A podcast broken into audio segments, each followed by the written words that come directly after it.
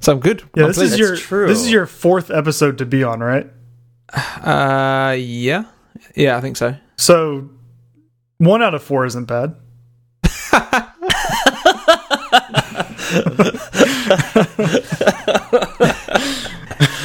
Baby steps. That's yeah. great.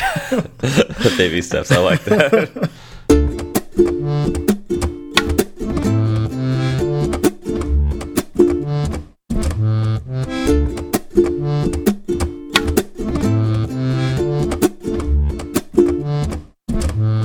What's up, y'all? I'm Zach.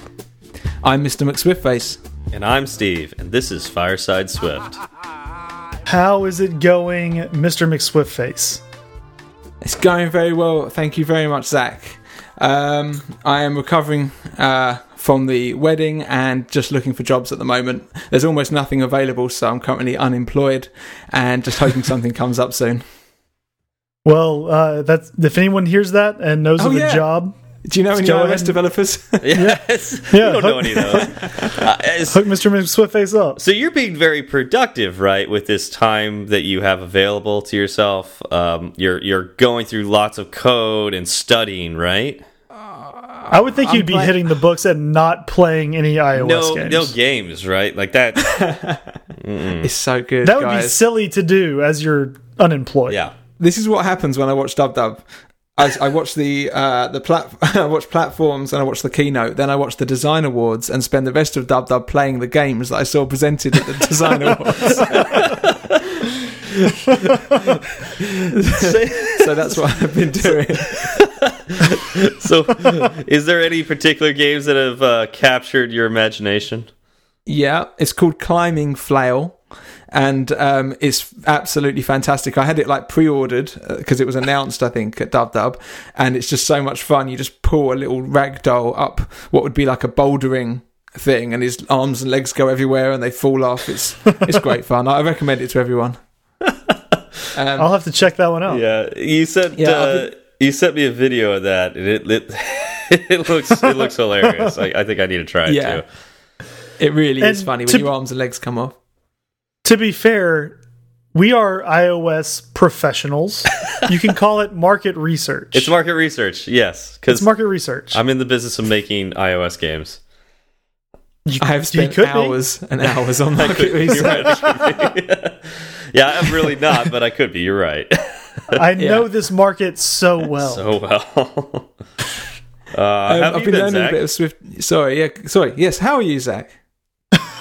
just just cut Ben off. There, Yeah. there you go. Uh, I've been doing well. Uh, today was or today this week was my first uh, kind of week back. I started back on Wednesday at work. Uh, did Thursday and Friday, and you know it's really strange getting back into the swing of things at work because I come back and I remember what we were doing three and a half weeks ago, and all of that is either done or there have been decisions made where we're not going the same direction anymore. Um, it's funny because I start my workday earlier than my coworkers. So I spent the first couple of hours kind of going through the backlog in the in our Kanban board and seeing where everything was at, and then I pulled the ticket off and I started working on it. And um, I was working from home that day, and so I didn't have a ton of interaction with my coworkers. In fact, they didn't think I was going to be back at work until this coming Monday. So they had no idea that I was working, right? Okay. and um, we called into our stand up at around 10:30 and they were all very surprised to hear me. And then I gave them my update on what I had done that morning and they were like oh yeah well um about that. See we were thinking about actually going with sign in with Apple as opposed to all of our mock-ups and designs. So you don't need to work on that anymore. I was like okay I'll just move those tickets to blocked and figure out something else to do. So it was it was uh it was an interesting welcome back to where like the first three and a half hours of my day on my first day back were basically wasted. Nice. Nice. yeah. Um but it, everything uh, other than that has been good. Um i'm getting into a lot of tooling and automation because we have this this one this one process to update an on onboard database in our app that is completely manual. And um it's it's a pain. And it involves a lot of different people doing a lot of different things. And then they want me to try to automate it all through jenkins. So fingers crossed because that has been an uphill battle so far. Uh, So have you set that up yourself? yeah, Sorry. go for what's that? Have you done that all yourself, setting up Jenkins? Because I've never even attempted that.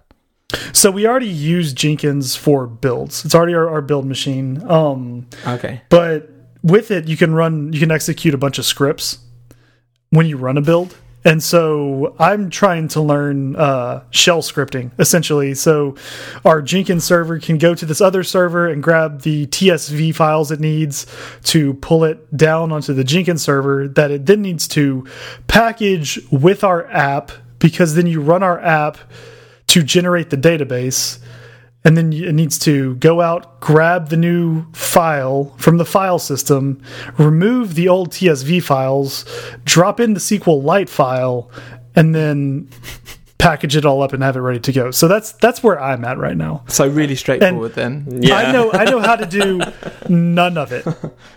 God. Well, that's aw So, that's yeah. awesome though. That's like learning new skills on the job, and that'll pay off dividends later for sure. I, I hope so. I mean, and I told my boss, I was like, look, I can do this. This is possible, but it's not going to be fast. Like, it's mm-hmm. going to take me a while to understand what's going on here. And he was really cool with it, which is one of the reasons I really enjoy working where I work mm-hmm. because they're not really deadline focused and they really see the value in, you know, learning and becoming a better all around developer. Hmm. Like, they did just hire me for Swift development, but they also need me to do if they also need me to do Jenkins work or do some write some bash scripts uh, then I want to be able to do that and they're okay giving me the time to learn how to do it on the job they're not saying you know well spend two hours tonight watching YouTube videos and come in in the morning Yeah. and, and figure it out Yeah, that's yeah, really that's awesome. when you know you've got a good company, I think. Absolutely, yes yeah no I'm really excited to be where I'm at very cool. And how about you, Steve? How's things? Uh, I've so we I'm working on this project at work that's just like uh, you know taking over my entire life, and I knew it would. Uh, uh, and so it'll it's it's like a two or three month project, and with you know deadlines every month or so. And so it's just I don't know. That's that's consumed my work life, and then um, yeah, I'm just yeah doing more board games and actually getting a little obsessed with stage lighting um, in my spare time. So that's probably a discussion for another time. But I, I know that's like out of left field, but yeah, that's something that I am a little passionate about. And Like, like photography, get more you mean? Like, no, like no uh, like lighting a stage we've yeah, yeah, right performance Oh. lighting, yeah, stage lighting, oh wow, okay, oh wow, yeah. Uh, Nice. But yeah, I'm getting more and more into that that uh, that hobby, and uh, yeah, if we ever want to talk about it sometime, uh, we will. Yeah, it's fun.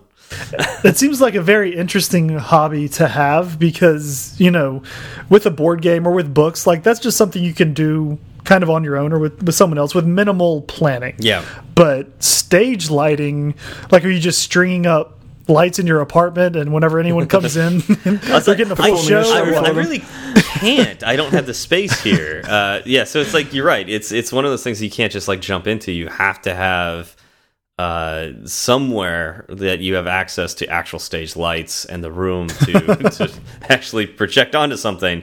Uh, so I'm you know blessed that at work we have a bunch of lights that we do events with and.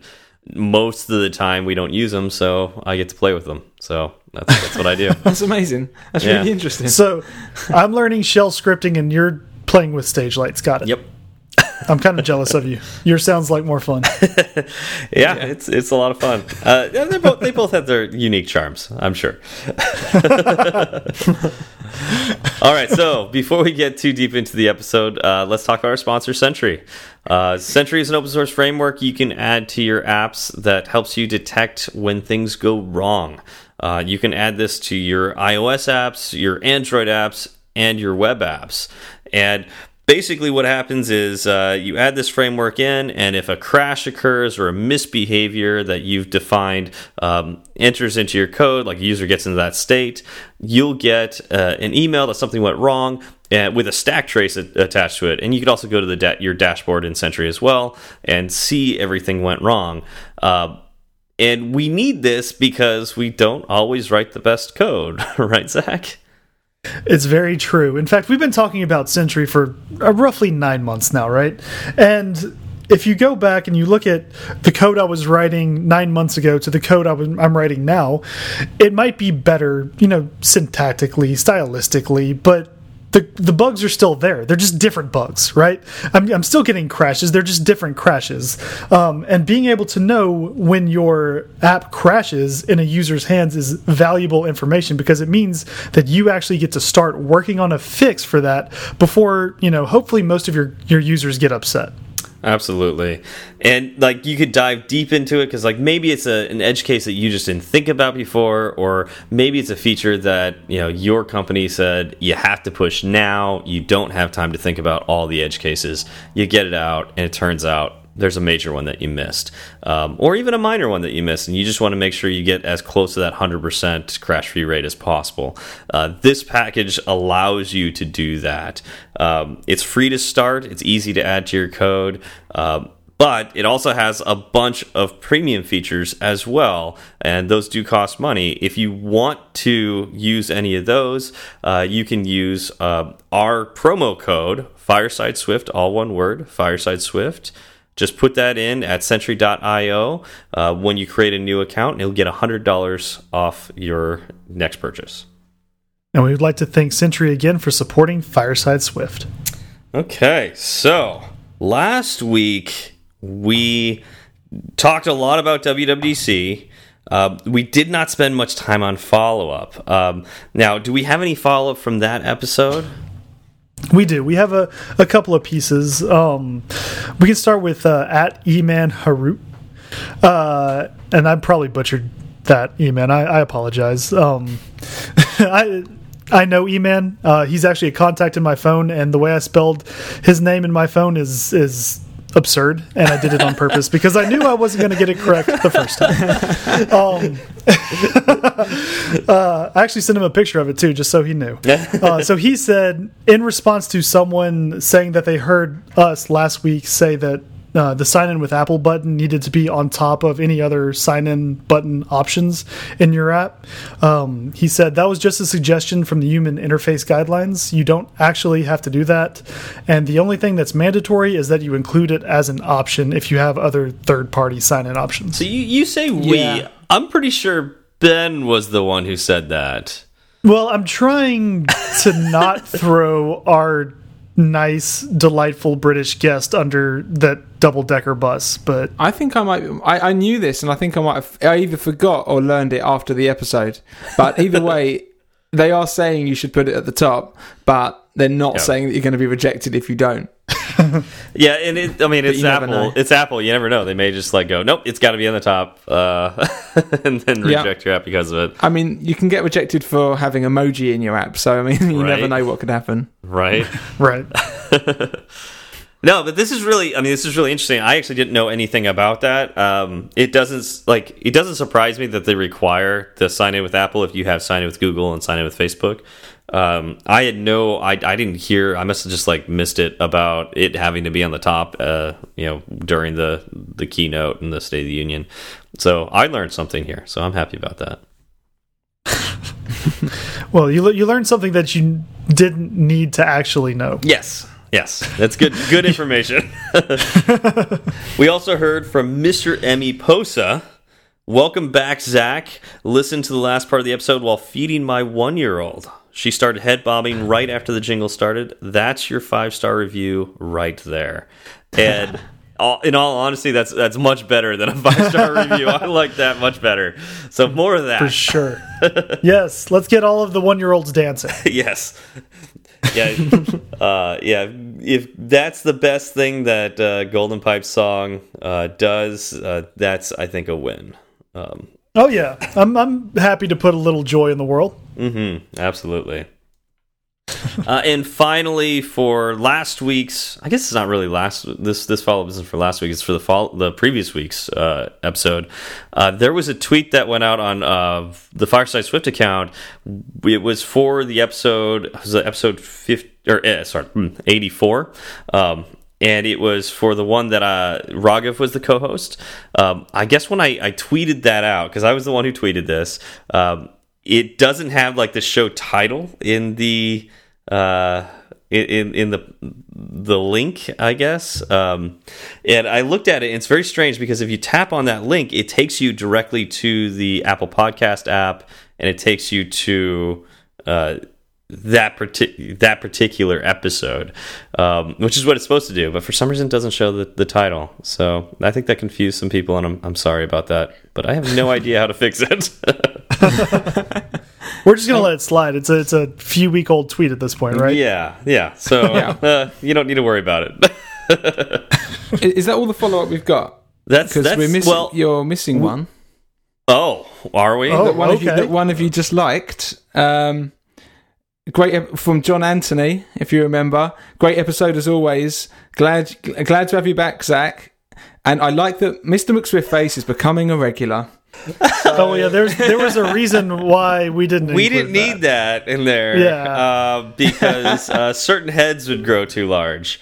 It would and it would just it would clutter up the flow of the show. Yeah. It just didn't feel right. You know, and it, there's a policy not to read uh, tweets about praising our our you know other co-hosts. Yeah, Well, that's. I mean, I'm, I'm more, I'm as more of kind a long a long term guest. Yeah, we don't have guests on this show. We have other co-hosts. Other- He's yeah, like that guy that needs a place.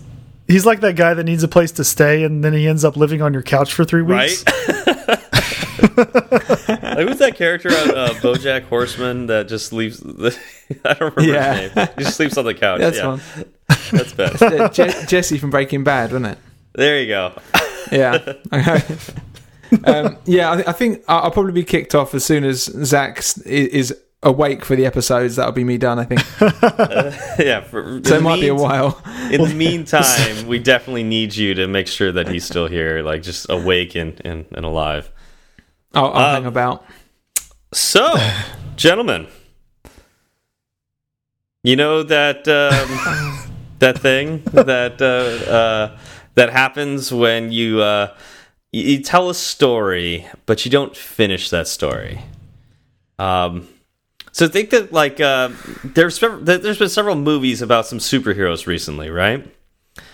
And they like Suicide Squad, like Endgame? uh, no, Suicide Squad's a bad example, but like uh, like Batman vs Superman, I think Wonder that Woman. kind of works. Um, I'm thinking of another Aquaman. Aquaman. Um, mm, doesn't really have 2? one of these. Uh, more, more, more like uh, the other universe of superheroes. Uh, definitely did this quite a few times, especially the, when they would group together. They would tell a story, but they wouldn't finish that story. Um, and so they have to have, an, yeah, like the Avengers. Yeah, they they would. oh, they, the Avengers. They'd have another. There'd be another movie afterwards. Um, you know, so I'm trying to remember what that's called. Infinity War. Oh, you're talking about the. It's called an Infinity War. It's called an Infinity War. It's called an Infinity War. I think that's War. a very specific case. I'm trying to think more uh, generically, abstractly. Uh, you know, if they, if they- Sequel. like a sequel, Oh, like a sequel. Yeah. Oh, and can I tell you just one a funny story real quick? So we watched, um, I watched the Avengers: Infinity War with my wife, uh, and that's the second one, right? What's the whatever the second Avengers No, is? End, I'm- Endgame. I don't oh, yes, remember. that's, no, ooh, In, uh, Endgame, no, it's Endgame. Age yeah, of Endgame. Ultron's the second one. I think Infinity No, War's no, the it- third. Endgame. Look, see, we don't even remember the I name. don't of it. remember. Anyway, the one I with do- the, I the do one know with them, the sadly. snap. Um, Yeah. So I watched that with my wife, and she didn't know that there was going to be another movie. And so she thought it ended. Spoiler alert, by the way, with uh, yeah, Thanos Infinity snapping and all of the uh, all of the superheroes dying. Yeah. She thought that's how that's how it ended, and she was so pissed. I honestly think they should have ended that way because, uh, spoiler alert, the next movie very much disappointed me. Um, so, What? yeah, Endgame. So yeah. That one. Whoa. I, I've never heard anyone say that. I, I absolutely Ooh, love that oh, film. We'll have to talk about that I later. haven't I haven't seen it yet. Yeah, so- yeah, well, yeah. Oh, even better. Let's let's spoil Zach. All right, so Oh God, it's incredible. Anyway, so anyways uh yeah so a sequel and so uh considering we didn't finish talking about all the things that we were excited about last week and in particular we didn't talk about what everybody else was excited about last week i think we should finish that today We definitely need to get back Let's to it. do We left too much on the table way to too just much walk on the away. table and i'm going to propose to you that we start with we just go straight into feedback and then if we don't cover the other things that we're excited about we can cover the things we're excited about after that. How's that sound? Sounds good. Okay, that works for me. all right. So starting with Benji from the lpc he responded and oh i guess i could start with uh, the tweet that uh, fireside swift put out um, which it, it goes uh, we asked what people's thoughts were about WWC 99 or 99 19 99, dub dub Dub 99. dub 99. W Dub Taking That was it- a while ago. WWDC 19 so far. We asked uh, what excited you and what you were dubious about. So Benji from the LPC comes in and says, liking dark mode, but laughing at the bugs of this first build. So obviously he was running the beta at that point in time. Uh, but I did notice my X is a little snappier. Also like that Apple lets you set goals for your daily daily audiobooks time and how many books you want to listen to in a year. Uh, they read my mind. My goal is 50 a year, and now I can see it. See, I didn't That's know about that daily audiobooks goal, and I think that's fantastic. It's not just audiobooks. Is it podcasts? It's book, I don't. Well, I don't. Yeah, it's word books too. That's what I was No. going to say. Yeah, yeah, uh, yeah. This is really cool. Um, so I read books from my iPad, and I recently upgraded my iPad to iOS 13. And now I get this little thing after five minutes reading in my bed. I'll get a little notification, a little badge that says you just reached your daily read goal because it's like it sets That's so really cool. low uh, to five minutes. I was about to say five minutes is. You can change it though, I guess. You could change it, absolutely. You could set it to whatever goal you want, but it's it's really neat. And I don't know if they're going to do like badges like uh, the activity app or uh, streaks or something like that. Um, I haven't really gone that deep into it, but I don't know. I just think it's really neat to be able to go. This is something I want to do, and I just want to be able to see how well I'm doing at it. I wow, So- I definitely need something like that. Sorry, Zach. Oh no, I was just gonna ask: Is this? Are you reading through iBooks, or is it? Yes, Is it applicable to other things like the Kindle app? Do you know? I Like, you probably don't know that. doubt it works with the Kindle app, and I wouldn't be able to know really because the until iOS 13 truly comes out and like the all the apps get up Right. updated uh, updated. Um, but uh, yeah, it definitely works in iBooks, and it's just very cool. I think it's an iBook only feature though. It just Okay. Yeah, I feels think that it probably it probably will be. Um, I I, mean, it, I think it would be awesome to be able to add more rings to your kind of watch activities. So it would be good to Mm-hmm. have. It would be good if you could add a reading ring to that, and maybe uh, a mindfulness super one as well would be good. yeah, that'd be super Oh, I like that idea. It just like it's change inevitable. change your activity rings to whatever matters most to you. Yeah, Mhm. I, th- I, I think that'd Yeah. be great. Hopefully, one Yeah. day we'll get that. And the Yeah. book one, I, I don't read enough at all, especially with all this free time. So it'd be great to. I might start using it just to start hitting that metric. Yeah, I was just You've been dismembering too many uh, ragdolls. right. Yeah, This is your problem. Yeah, Yeah, I was just having a, a conversation with Raghav about this, about like just different books to read and what to study, and I recommended some leadership books to him. And so, like, if uh, you know, it is good to set a goal of like you know just 15 minutes read a self improvement book of some kind, whether that's programming or leadership or sales you know one of the things that engineers stink at is is sales and so like if you could spend 15 minutes a day reading a book about sales uh, it could really help you uh, get your ideas across to other engineers um, so uh, something like that i think would be great to have in the ios ecosystem yeah. yeah Yeah. all right zach you want to take the next one Sure. The next one is from uh, Steve Rios Apps, as he has come to be known locally. Uh, just watched the video on adding CloudKit to existing Core Data apps. Both of the apps I've created use Core Data, so I'm excited about adding CloudKit. Doesn't look too hard, but I haven't tried it yet. Doesn't require iOS 13 either, which I thought was really interesting. Yeah, that that is interesting. Um, and yeah, it kind of stinks when there's something that's like they release that's like iOS 13 only, like uh, Swift UI, uh, where it's like, oh man, it's gonna be years before I can really add that to my production apps. Um, mm -hmm. So this is kind of neat. Um, I didn't dive too deep in this. Uh, ben, did you look at this at all? I haven't looked into this very much, and I'm wondering if it works like the new uh, Realm API, where well, like, hopefully it'll be something like when you save something to core data, it will automatically sync to CloudKit, and if you're offline, it will kind of hold it and wait until you're back online and then sync the two.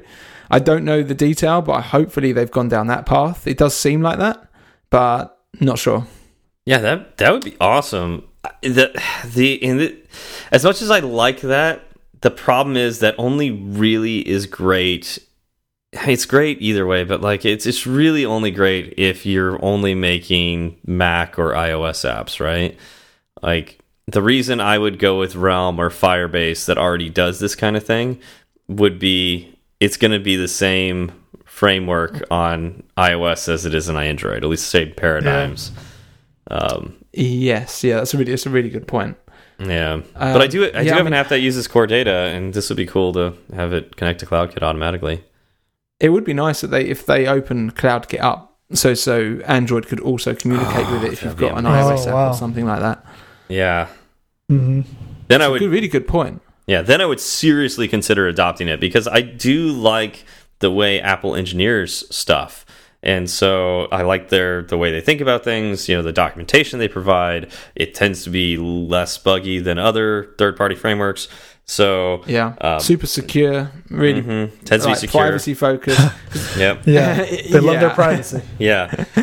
So yeah, that's helped me a lot. I've used sorry, yeah, I've used CloudKit in the past for apps that require storing really sensitive data, and and, and the companies that I work with have said, yeah, it's fine as long as you use CloudKit, just don't use anything else because they're yeah. confident with Apple. Yep. Mm -hmm. yeah. And they should be. Mm -hmm. uh, yeah. So Steve went on to say, uh, of course, the easy laying out of list and presumably other UI elements is great in Swift UI, but it does seem like we will have to do separate projects for iOS 12 and iOS 13 for a while. Some are saying three to four years. So no. what what do y'all think about that?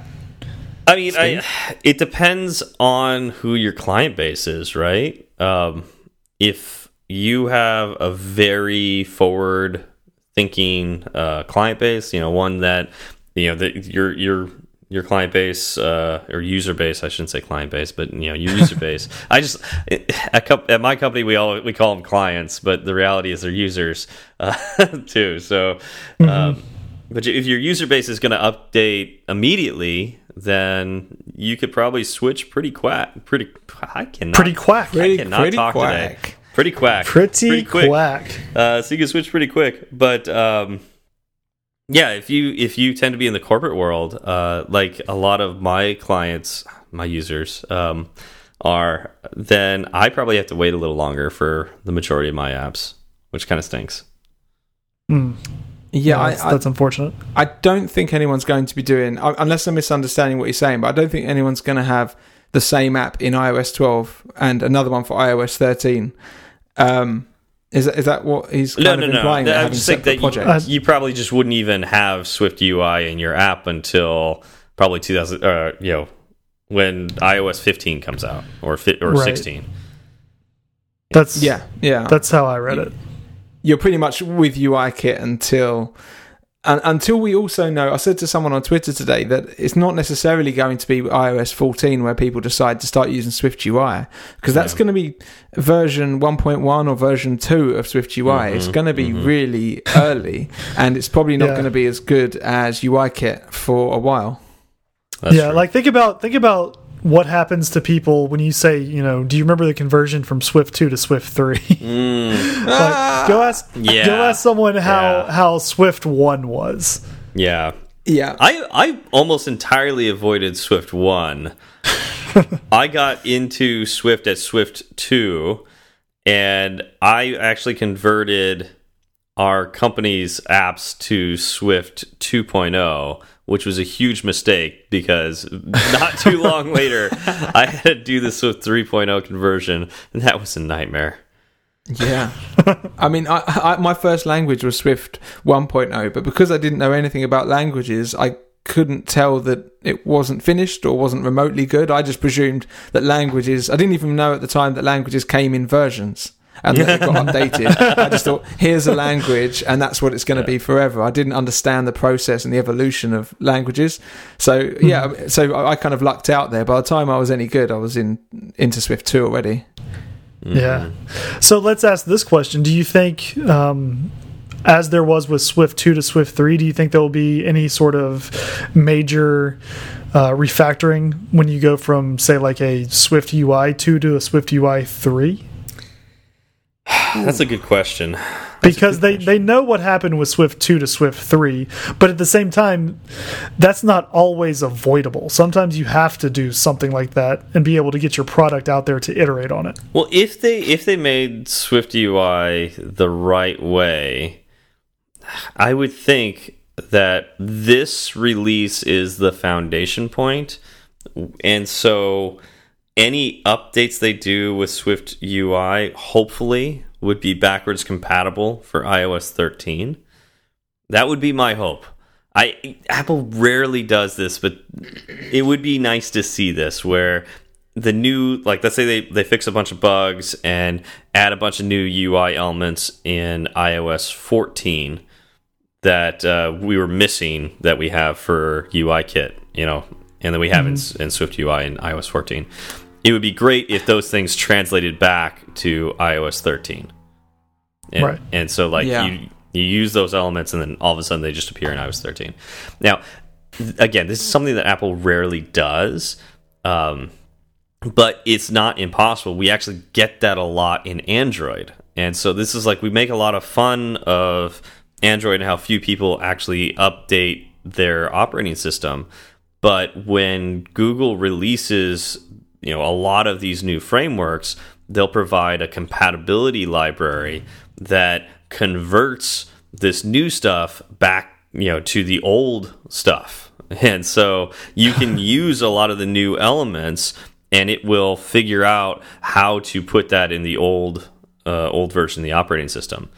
And so I would but, like to see Apple do that, but I'm not do, holding my breath. do you think that Apple isn't as um, compelled to do that because of the adoption rates? Like, I mean, they showed the adoption rate at mm -hmm. this dub dub. You know, we have, you know, X crazy percent of people using the yeah. newest iOS version. Now let's look at the other guys, and yep. it's like fifteen percent or something. Yeah, it's it's definitely Google's responding to the way their their platform is. You know, like they they have no other choice. Like it would take ten years before you could actually like feel confident about using uh you know one of these new things uh, on Android.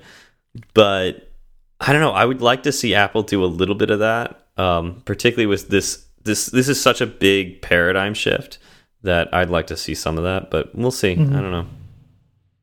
Okay. Mm. Um, just one quick thing on Swift UI, not to drag it on too long, but I didn't realize until someone tweeted the other day that there's no such concept as a collection view on there yet.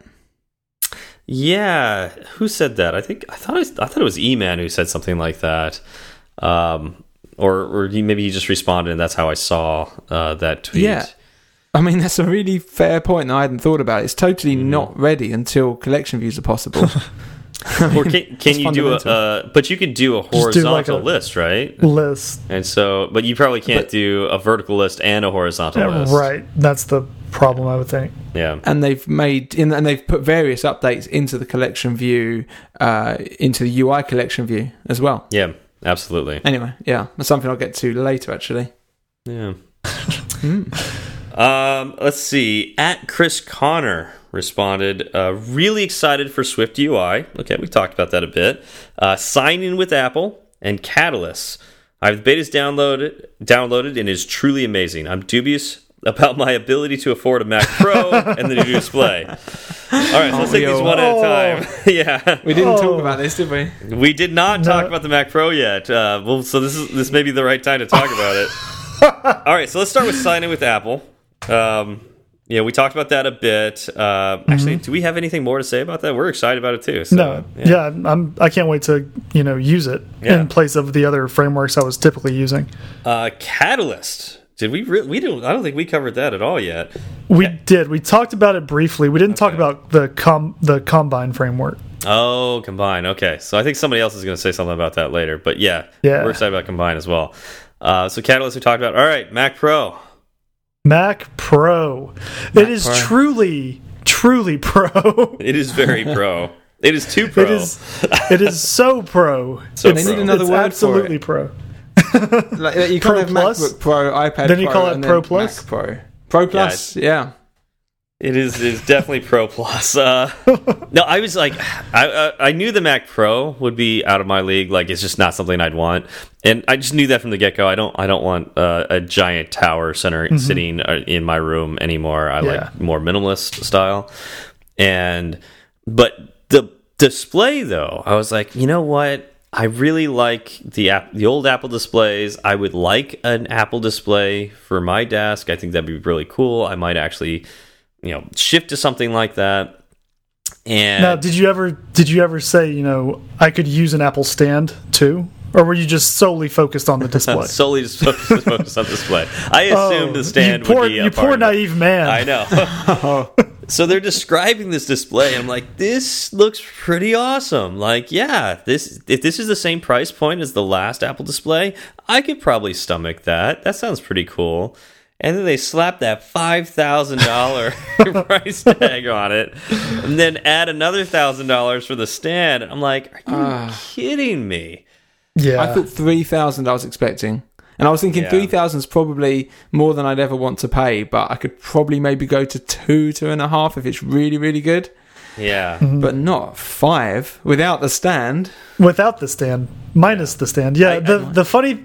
So I was watching it. Um, I was watching it with uh, on Sean Allen's Twitch stream, right? Mm-hmm. And Oh, yeah. the the two the two points that I got away from that I took away from all of this was uh, I knew bad things were happening when they showed that first monitor and they were like this one costs forty five thousand dollars Yeah, and I was like oh that's Oh, that's no. a bad sign. Oh, it's a no. Yeah. terrible sign you up. um and then as soon as they say and the stand costs nine or yeah ninety nine ninety nine and everybody in the audience just kind of like laughed like you could tell that they didn't believe it Yeah. and Sean's face was like he didn't know what to do uh, like what, what do you, how do you respond to someone telling you the stand for this display is a thousand dollars um and then they just kind of hurried off the stage They run away so quickly, and apparently they only showed it for something like 0.9 seconds or something like that. They just flicked on the screen and then they turned it off and went, right, goodbye. yeah. and there They it knew is, they'd done and we're it. going. Yeah. well, I mean, they have they they're smart people, right? They know that they want to show it, but uh, you can't show it halfway. And if you're going to show it all the way, you're going to get this gasp and this negative reaction from you know saying a stand costs a thousand dollars. Now, Yep. what I what I believe is that you know people were expecting the Mac Pro to be something for that's like one step above consumer, right? Because Yep. of the Pro label, right? Yep. And this and this is what we alluded to at the beginning. This isn't for your you know regular Best Buy customer. Like you're not going to order this off of Amazon because you need a new computer. This is going to like the high end tech shops, like people that are making movies and high end games who need that amount of power. And so I'm okay with the Mac Pro not being for me. Um, at the same time, it would be nice if there was something like in between where you know the top of the line. Well, I guess you, you have There the iMac Pro, right? Like get the there iMac isn't Pro. a screen. Yeah, yeah, just buy the iMac Pro because it's a cheaper external display than the Exactly. actual display. There you go. Um, yeah, But I, I I use uh, the 5K um, ultrafine, and, and it's fine. It's it's good enough. But they, this has been discontinued now. So for someone who wants a decent Retina screen that's a decent size, I don't know where they're going to go now. I don't think there's something on offer. So hopefully in September, everyone's thinking they might release a Pro display that's not this super super pro display it's just uh, it's just like the 5k screen from an imac or maybe Yeah. slightly bigger or something like that because no That's one's going to be buying this.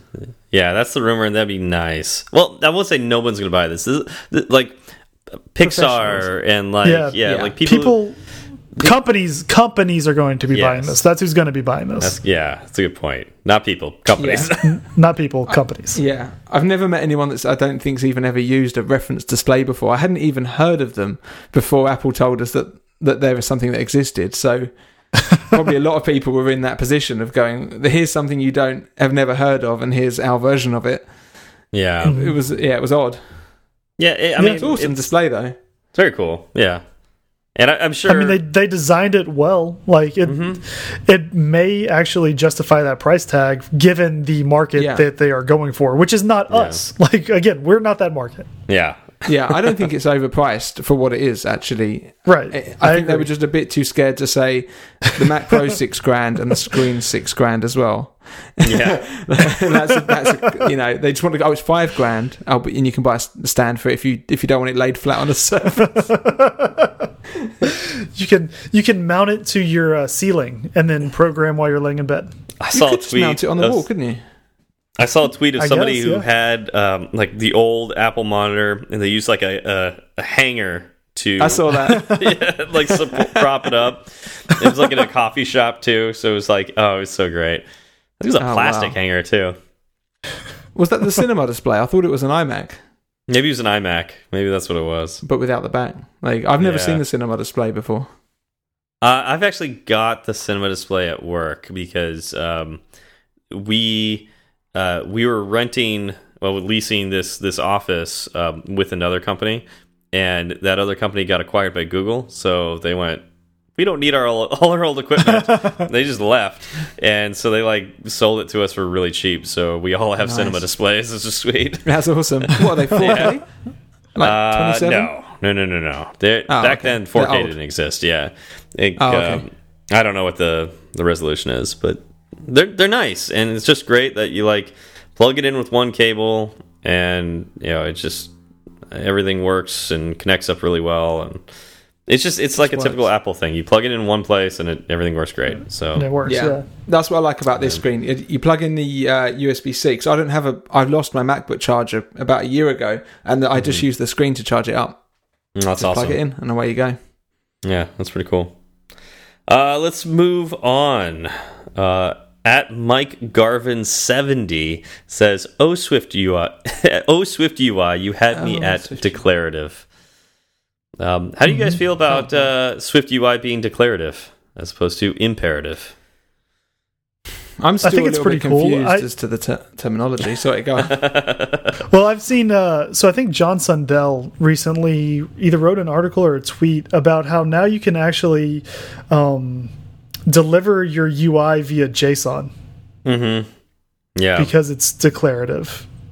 Um, Yeah. which is which is like an insane amount of flexibility. And it's like every time I- we talk about declarative versus imperative, we should probably define what those two are, and that's that's where you're sticking at, right, Ben? The difference Yeah, between declarative and imperative.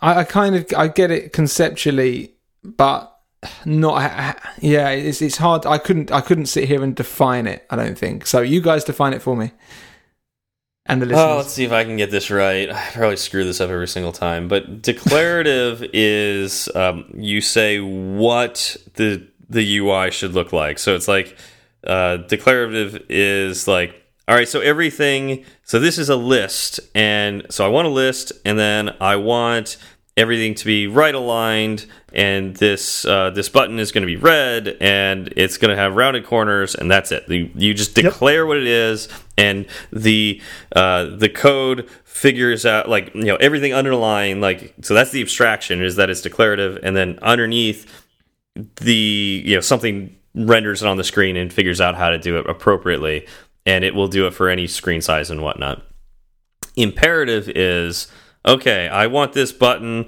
to be um, at x coordinate x and y coordinates and it's going to be height and width and it's going um, you know and uh, you know draw these things here that's imperative you're like literally It's- like It's way more detailed. It's way more granular. Mm-hmm. Yeah. like you're actually saying, you know, I want it to be here exactly. Yep. And, Right. And so what's interesting is in order to get declarative code, someone had to write imperative code. Right, because that's to translate it. Yep. the difference is who writes that code. So and the framework's declarative and- imperative, yes, and it gives eventually- you like Yep. a front end Yeah. of declarative. Okay. Yep. Yep. And so, Wow. uh, yeah, so it's just really interesting. It's like, and, and having things more declarative um, means less code. It's usually less buggy. Um, although that may not be the case because, um, you know, sometimes, like for different screen sizes, if the translation from declarative to imperative uh, doesn't handle a particular new screen size or a particular case, you end up in those things like we talked about that Swift UI may be missing. Like there's certain UI things you cannot do because Swift UI is declarative and they haven't built that feature yet, like collection views. Um, whereas if it's imperative, you can do all the math and you can build your own collection view. like, Yeah. So, yeah. um, that's like a little bit of the difference there is uh, you know i'd say imperative you potentially get more power but also more rope to hang yourself um, whereas declarative is usually much less buggy it's very a lot less code usually um, and uh, handles more cases usually too Wow. Oh, that's good definition. I think that. Um, if i got it right i could be completely wrong and we'll find out next week after follow-up yeah. yeah. I think. I guess that you kind of, in in a sense, it's your your layout is only as good as the framework you're using in this situation. mm-hmm. yep You know. Yeah. Yep. No, I think that was I think it was very well defined. Good job. Yeah. Yeah. And so, like, I, I've heard a lot of people really, really love declarative UI design, and I, I'm I'm really curious about it because I really haven't done a lot of it. So, yeah, um, I'm excited for it. Yeah, I, I watched. Um, uh, no, I read an article and tweeted about it today from John Sundell, of course, and um, he ha had to display an alert when a state property. Uh, oh, yeah. I th- Oh, it might. Um, it could have been hacking with Swift. I've done. I've I've, I've been Swift UIing on it today. um, yeah, I think it was actually. I think it was Paul Hudson. Um, and what, and he had an alert show on screen, and the way he did it actually made me go whoa out loud while while watching because you. It, it's kind of just in line with the rest of the UI. He toggled, I can't remember the, the keyword, but he, he toggled one of the states, which was just a Bool to say true or false. And then presumably it's almost like KVO. So when that state turns to true, it calls um, a closure which displays an alert. So this UI code is kind of sitting in a state and then reactively responding to the the state properties of the view, and it really blew my mind. But it was quite impressive. If that's what it was doing, Is it- yeah. Does it do it with the uh, at bindable object and at state? He stuff? just did it with yeah the, the at state. So he was just Okay. tracking an at state property, and then every time I presume every time it changed to true, it would call the closure. I think, Yeah, or I every think time maybe it changed, it might it might even get called when it changes to false. Um, but I'm not sure. Yeah. Can can I tell you that the biggest impact this Swift UI stuff has to have is on the person who has the Twitter handle at state. because after Dub Dub, I saw a lot of people tweeting about, you know, oh, this is what you do with Swift UI. I used at state, and so it, Oh, it that's came up blue. So it's somebody's handle, and I clicked on it. and It's an account that's been shut down Oh. for a while now. But yeah, I thought that was hilarious. That's That is funny. That's really funny. I'm gonna go. I need to go create an account uh, at bindable object and just get all of those. That's really there good you idea. go. Yeah. Uh, speaking of ads, at Joe Cab said, "My mind can't handle it all, and has shut down to check it out at a later date." You're not alone. Joe, have you? Uh, has it come back? Have you been able to check anything out yet? I'm curious. yeah, I'm curious too. But I mean, but Ben, you you said something similar after Dub Dub, right, or during Dub Dub? Um, at least during the I show, I think. Yeah, Yeah. like during like last week's show, it was just we are trying to think of what to think about, and it's hard to know what to get excited about because there's just so many things, and I, I'm just gradually now one or two dub dub videos a day, just going through the app, seeing seeing if there's any sessions that interest me, and I'm I'm kind of getting around it now, and I'm, I'm sure Joe Cab mm. probably is on the other side of it now as well. Yeah. yeah. Well, it's it's important to remember that it's a it's a marathon, not a sprint. Like, yes. We don't need to. I've I've kind of done the same thing. Like, and I still don't know most of the stuff that they talked about. I couldn't write an app with the stuff that they announced a couple of weeks ago because I haven't used it at all. Like, I haven't learned it at all, and that's okay. Like, mm -hmm. just give yourself some time. You don't need to learn it all immediately. I think. Well, it, also, you think, don't sorry. need to learn it all. yeah, yeah, that's, that's what I was going to say. Ninety percent of it yeah. is not that we don't care about. Yeah, um, I, I'm I'm taking it very slow. I mean, I've got a lot of work to do that uses iOS 10 and below, so like I need to be focused on that. And I mean, I definitely am excited about this new stuff, but like when it comes time, I'm going to start learning it. And you know, mm -hmm. I'm lucky that you know I get to do this show with you guys. And so, uh, you know, we're going to do episodes on a lot of these topics, if not all these topics and I'm going to be forced to either read Zach's notes at a time or you know watch a video and read Zach's notes at a time. Um, and so I'm going to end up learning this myself. But you don't you don't have to do that um, because a lot of this stuff won't be useful for you. Mm -hmm. Mm. Agreed. There are precious few people in this world who need the, to know this stuff immediately, and a lot of those people who do are the the John Sundells and the Paul Hudsons who want yeah. who love it so much and want to get out there ahead of everything and be be the person that everyone else learns from. Mm -hmm. Yeah. And I really appreciate them for that, by the way. Yeah, yeah, very much. Because so. the amount the amount of work that they have to put into all this stuff is astounding. Yeah, absolutely. It still blows me away the amount of content that Paul's put out. I know he hates it being called. Don't call content. it content. I know he hates calling content, but he, he really like just. what else do you describe that? Like the the amount of work that Paul Hudson has uh, produced that we consume. uh, I think it's called. Uh, it's got a name. Um, Don't do this. Don't do this in the middle of the show. Don't you do this. I'm pretty sure it's called content. um, all right. So X at, at X Tina Sund. Um, I wonder X, X Tina or X X X Tin a Sund. Um, I don't know, but um, X Tina Sund. Uh, well, definitely Swift UI, Project Catalyst tools, and SPM from a dev standpoint. What is SPM? Swift, Swift Package, Package Manager. Manager. Oh, thank you. Swift, yeah, of course, that's yeah. awesome. Um, uh, but really, it's like we've had the Swift Package Manager, but that being built into Xcode uh, is awesome. Um, okay, so then I'm also super excited about the swipe keyboard finally. We haven't talked about that yet, so that'll be fun. Uh, dark mode, which we really haven't talked about dark mode, so we'll talk about that. Reminders and Photos app uh, have has gotten updates. Better Siri, the list goes on. Uh, but the dubious that uh, five thousand dollar or so uh, six thousand dollar and then just kind of like uh, not really it's kind of left nebulous but um, i'm gonna guess that's either the mac pro or the monitor. Either or One very expensive. or the other. You're not yeah. getting both with that yeah. amount of money. Actually no that's gotta be the mac pro because the swift or the the, the monitor is uh, uh was it 499 or for four yeah four thousand nine hundred ninety nine dollars the stand is nine hundred ninety nine dollars. So if this was referring to the monitor, uh, well, no, that could stand, be the mat, the mat this, monitor. Well, the stand it would be five thousand nine hundred ninety eight dollars. Good point. Mm, true, true. we can always we can always count on you to to really dig in and so, get pedantic about. Numbers. Yeah, well, in that case, uh, yeah, as she's referring to the price of the Pro, I think it's quite reasonably priced, actually. Yeah, yeah, five nine nine. That's yeah, five nine nine done. All right. you know, sorry, one thing that I found, I don't know if you heard this, it was on an ATP episode. There was people um, at the event when they get to do a hands-on session and they they were doing a presentation and they were talking about the 6K monitor, and I think it was Marco was like, I had no idea what she was saying, whether or not she was referring to the price or referring to the fact that it was 6K. oh man, she kept saying it, and he genuinely didn't know.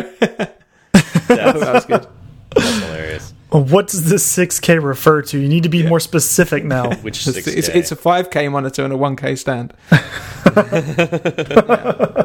um, okay. Have you seen the let's- resolution on that stand? It's astounding. Oh, I know, right? Yeah, well, one So megapixel. it's almost 1K.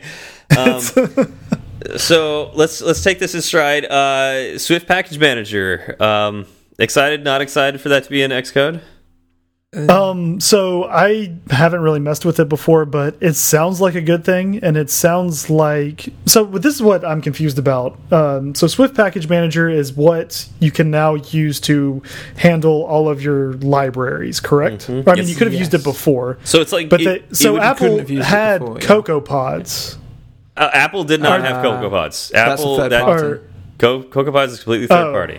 okay, so Swift Package Manager is their first party Yes. answer to like Cocoa Pods and uh, Carthage and stuff like that. Exactly. So this would be a competitor to Carthage and CocoaPods.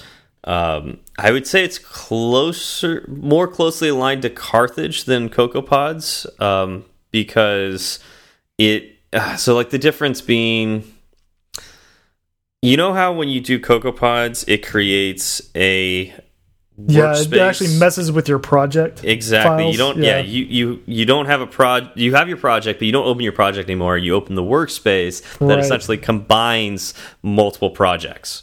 Right. And the Cocoa Pods are separate projects essentially, and somehow gets you know it's just like really strange and whatnot. But it works, right? Like. Right. in general until it doesn't, Right. And then we hate it. Um, Carthage um, is similar to Cocoa Pods, but it basically goes to um, essentially a GitHub project, downloads it, and literally puts that project into your project. So it puts that code into your project. Um, so when you compile your code, it compiles in in with your code, and it's not separate at all. You don't use a workspace; you use a project. So to me, Swift Package Manager, I haven't used it yet, uh, but from everything I've heard about it, is very similar to Carthage in the sense that it goes to GitHub, it pulls down a project, adds it to your code, and you compile it as if uh, everything is your code. Um, and I would love for somebody to correct me if I'm wrong, uh, but that's how I understand it. And that really excites me because I've tried to use Carthage. It's very confusing to me. Um, and so I just shift back to CocoaPods every single time. and Yeah. Swift Package Manager looks so easy to use that I, I that just sounds like what I'm going to want to use in the future. What do you What do you guys think? I think it's Uh. it's interesting because we just started using Carthage at work, Hmm. like right before I went on paternity paternity leave. Okay. is What were you using- uh, what were you when we installed before? it. We didn't have any external dependencies. Oh, very nice. Oh wow, that's Yeah. impressive. well, yeah, well we- that means there's no analytics. Yeah. So now uh, now we your have we have one uh, external dependency, and we're bringing it in through Carthage. And um, it, I'm wondering if we're going to switch to Swift Package Manager at some point, since well, you know it's it's built into the ecosystem. doesn't doesn't the um, framework itself have to support SPM first? That doesn't Yes. they, don't they have to rebuild their project? So we basically have to wait for all the, the Yes. dependencies that we like to switch over. Yep. Oh, really? See, I didn't. Yeah. I don't. know. Yeah, and it's the same thing with Carthage, um, and obviously with CocoaPods as well. And I think the reason why I always went with CocoaPods is when I'd be looking at frameworks. At back when I was looking at them, every single one of them was supporting CocoaPods. Not everybody was supporting Carthage, and so it was like, ah, I'm gonna go with the most popular one because you know it's just I don't have to you know think about a different one. Um, I, I hope we- this gets to the point where this is so easy that this is just the way to go. Yeah. That- I, I think that's. I, I hope that all of the big companies, all the all the big open frameworks, turn around and just support it because I presume they can. It probably won't take them long, and Mm-hmm. Yeah. then we can all start using it sooner rather than later. But more than likely, it'll be a year or so before we can fully switch over. Mhm. Mhm. and it it seems like it's easy. Um, I I would love that's that's probably the next It thing I need to do Yeah. to level up as a developer is to like make my own package and get it out there. Um, And I just haven't had the time to do that. So these days. All right, moving on. Uh, swipe keyboard. That's interesting. That is interesting. I actually really enjoyed Swipe because I had Android phones at first, and I enjoyed. That was the one thing that I liked more than the uh, iOS ecosystem was the swipe keyboard. Now I'm so used to typing now, I don't know if going back to swiping will feel the same as it did back, you know, eight, nine, ten years ago. Yeah. Uh, so I, you know, I don't know if now I'm ingrained to typing so much that that just feels more natural to me, and so going back will be harder. What about you, Ben? I, I don't und- like. So if you're on a swipe keyboard, I've never used. Well, I'm, yeah, I don't think I've ever really used one. So it's only for one finger typing then. But most devices Yeah, these like days, you- you, might use two thumbs as your default. Yep. yeah. Yep. Just so you, it's all of a sudden moving it back to one. Is that actually nicer have- than just using two? But you can you can Yeah. type so quickly. Like I could I could fly across. So you can type Typing. faster than with two thi- two thumbs. You can swipe with one. Mm-hmm. Well, because you're not lifting your hand up at all, and you know it. it the the way it uh, picked up your touch was very accurate. So typos tended to be you know few and far between. Wow. Um, yeah, no, it, it, there's no tapping involved. Which you know, if you if you tap, that's if you think about it, it's kind of a long gesture for your hand or finger to make. It doesn't feel that way because, in the relative grand scheme of things of life, it's a fast thing to do.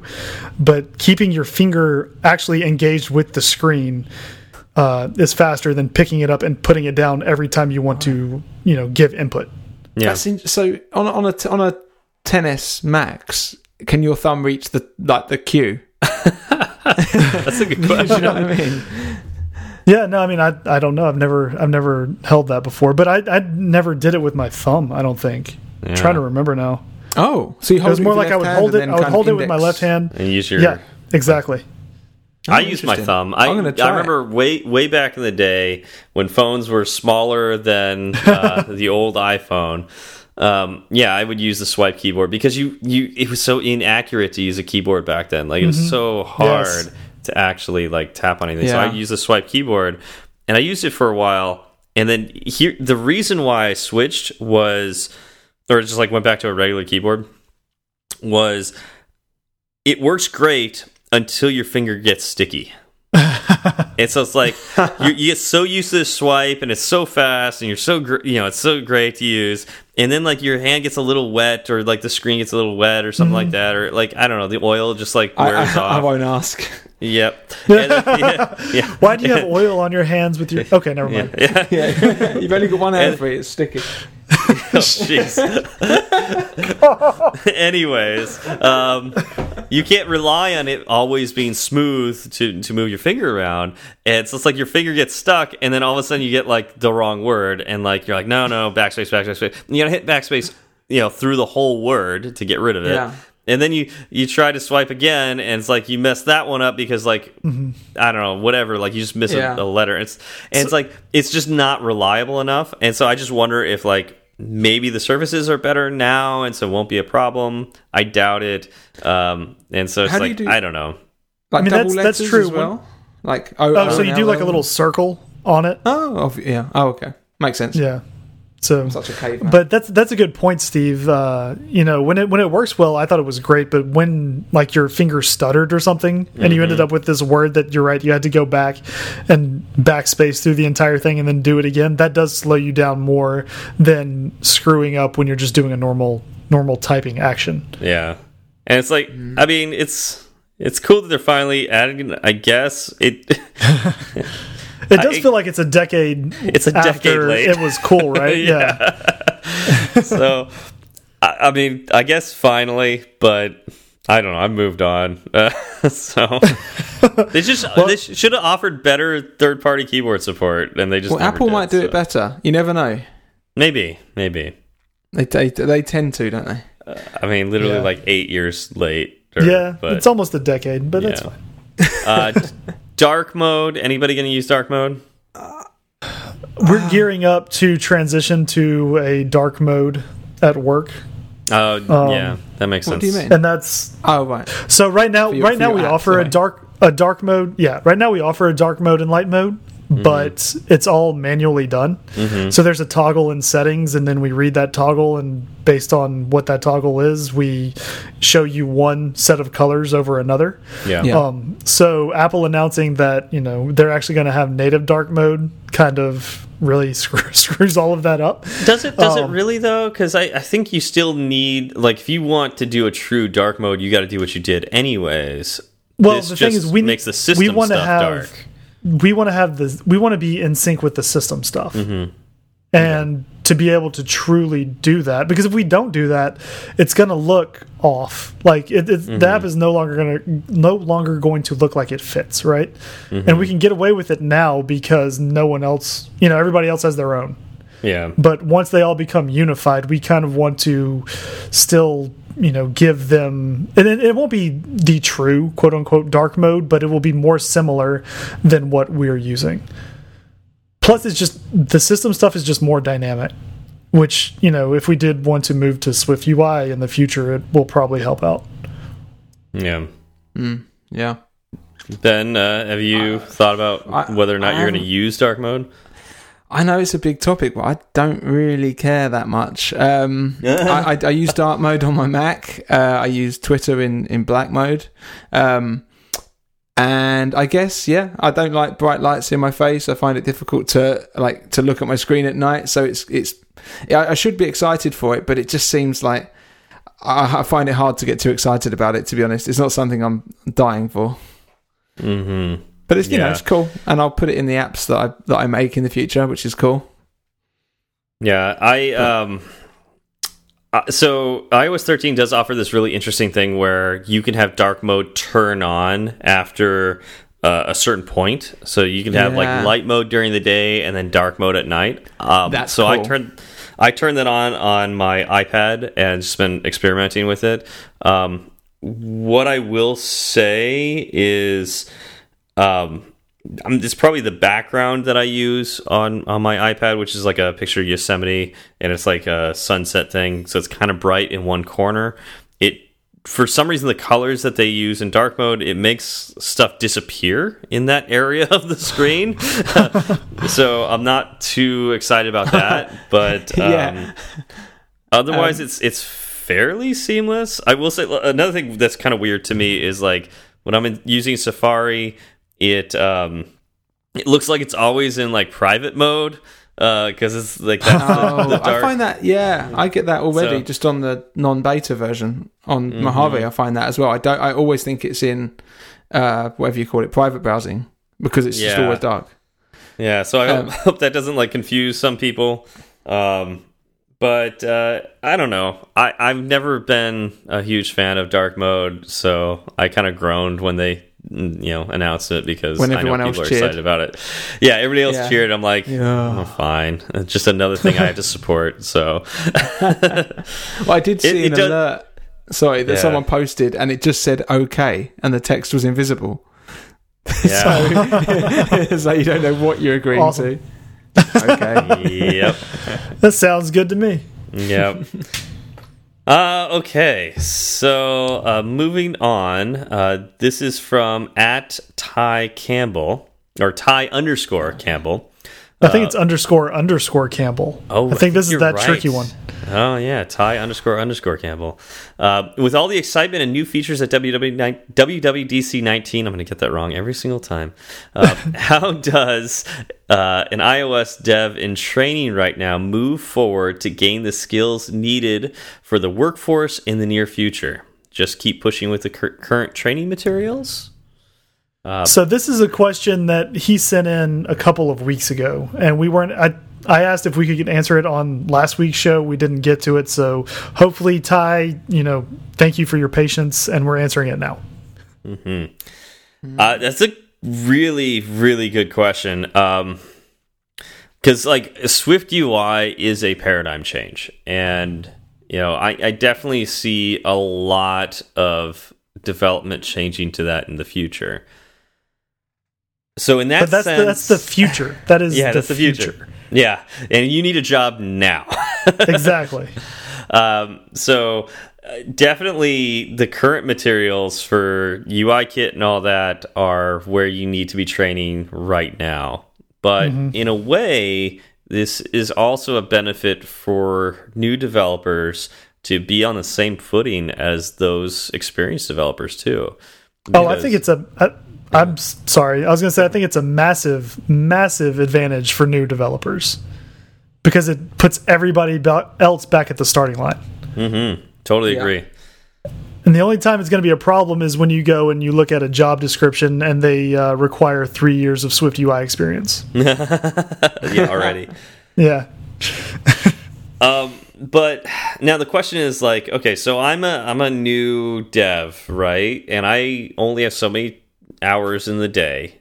How much do I essentially devote to old stuff, and how much do I devote to new stuff?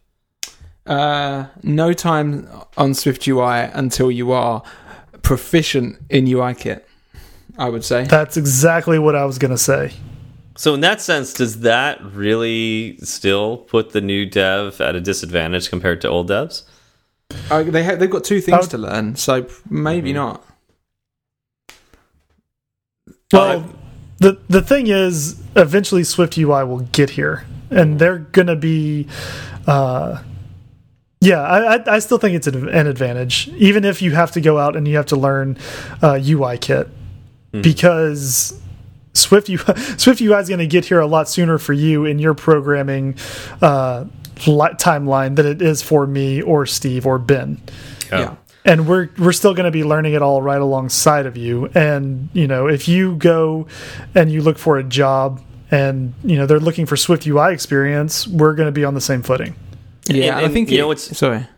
Uh, oh, I was gonna say like what I think will be interesting is uh, us more uh, experienced developers will probably end up fighting Swift UI more yes. than new developers because exactly there's going to be something we want to do, we know how to do a UI kit yeah. that we can't do or we just don't we just haven't used Swift UI mm-hmm. enough mm -hmm. to know how to do it. Whereas a, a, fresh set of eyes will look at it and go, "Oh, well, this is just how you do it in Swift UI, and that's just that's it. Like there yeah. is no other way."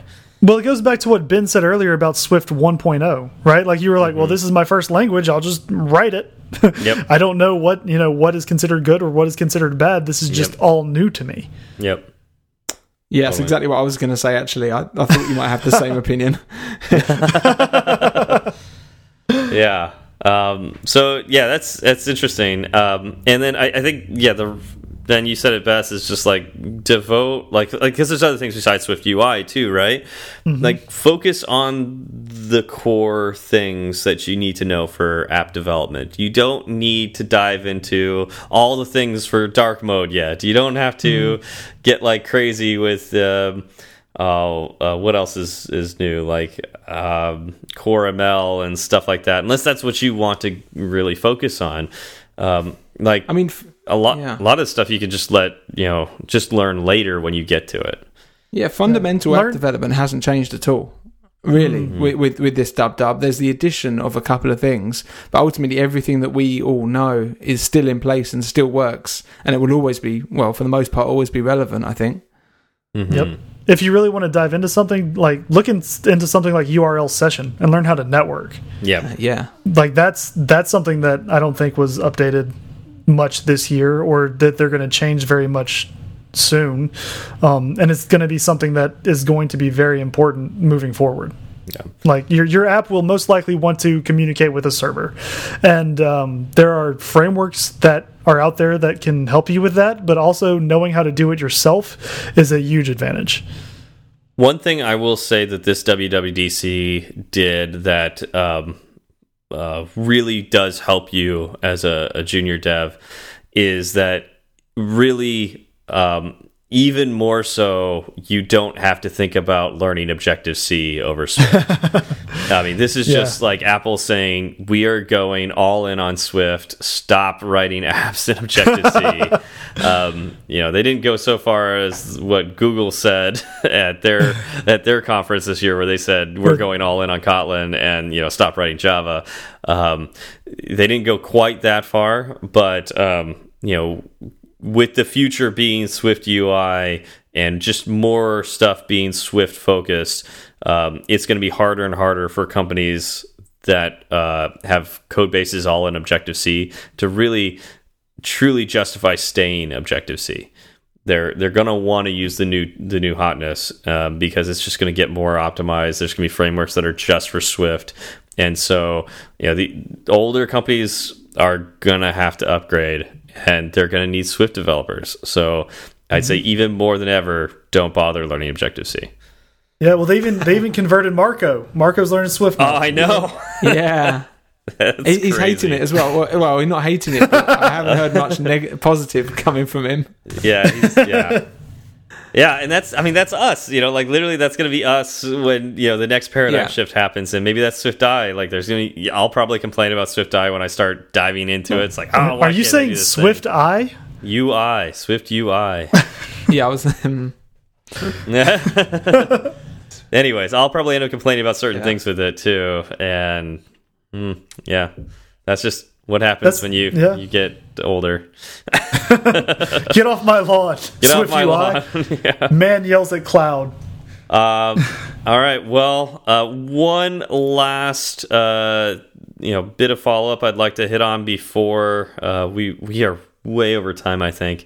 Um, but I did want to mention from at Blind Power the new ML Create stuff is awesome. Sound detection, raw data training model. The other thing is Swift UI, with which is mind blowing. it makes me wish I didn't have to follow the N minus one version thing. and we we've talked about that a lot. But Yeah. really want to to mention that blind underscore power mentions is uh the ML create the that's the machine learning create stuff um and like being all the stuff we can do with machine learning is very cool and I'm glad that you know the rest of the community is excited about that too. Um, yeah. Yeah. Um, Um, oh can I- Ben, you I- do you have something else that you want to talk something, about? yeah. Um, yeah, we- it was following on from what we were just saying um, to Ty um, about not really having whether or not you should learn things from uh, this dub dub. There's uh, UI table view diffable data source. Have you guys heard about it? No, I have not. Tell teach This- me.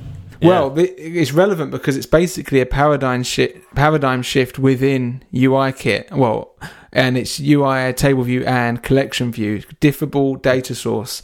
So gone are self row index path, uh, number of rows in sections, uh, number of sections.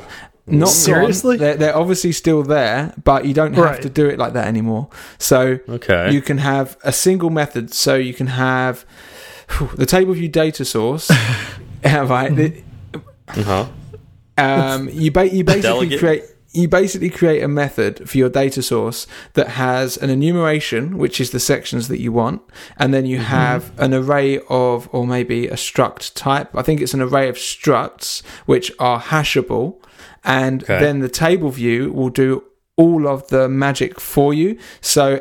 Uh, you basically, if you want to make an, a change, basically it makes changing so much easier. You don't have to worry about index paths and cells and things anymore Yeah, You yeah, just- yeah, yeah.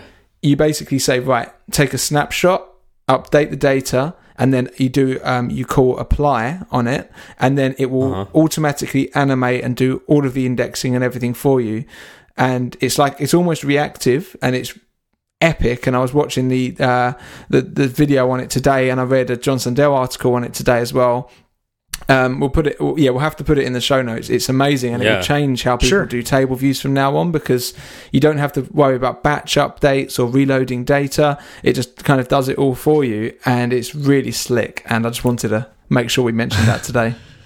That well, yeah, coming, like Oh, coming so- from the master of table views himself. Yeah, that Yeah, sounds that like that's going to definitely be a video. replace. That sounds like that's going to replace Deep Diff for me. Have you heard of Deep Diff? Is it like No. I heard IG List Kit does a similar thing? Does it?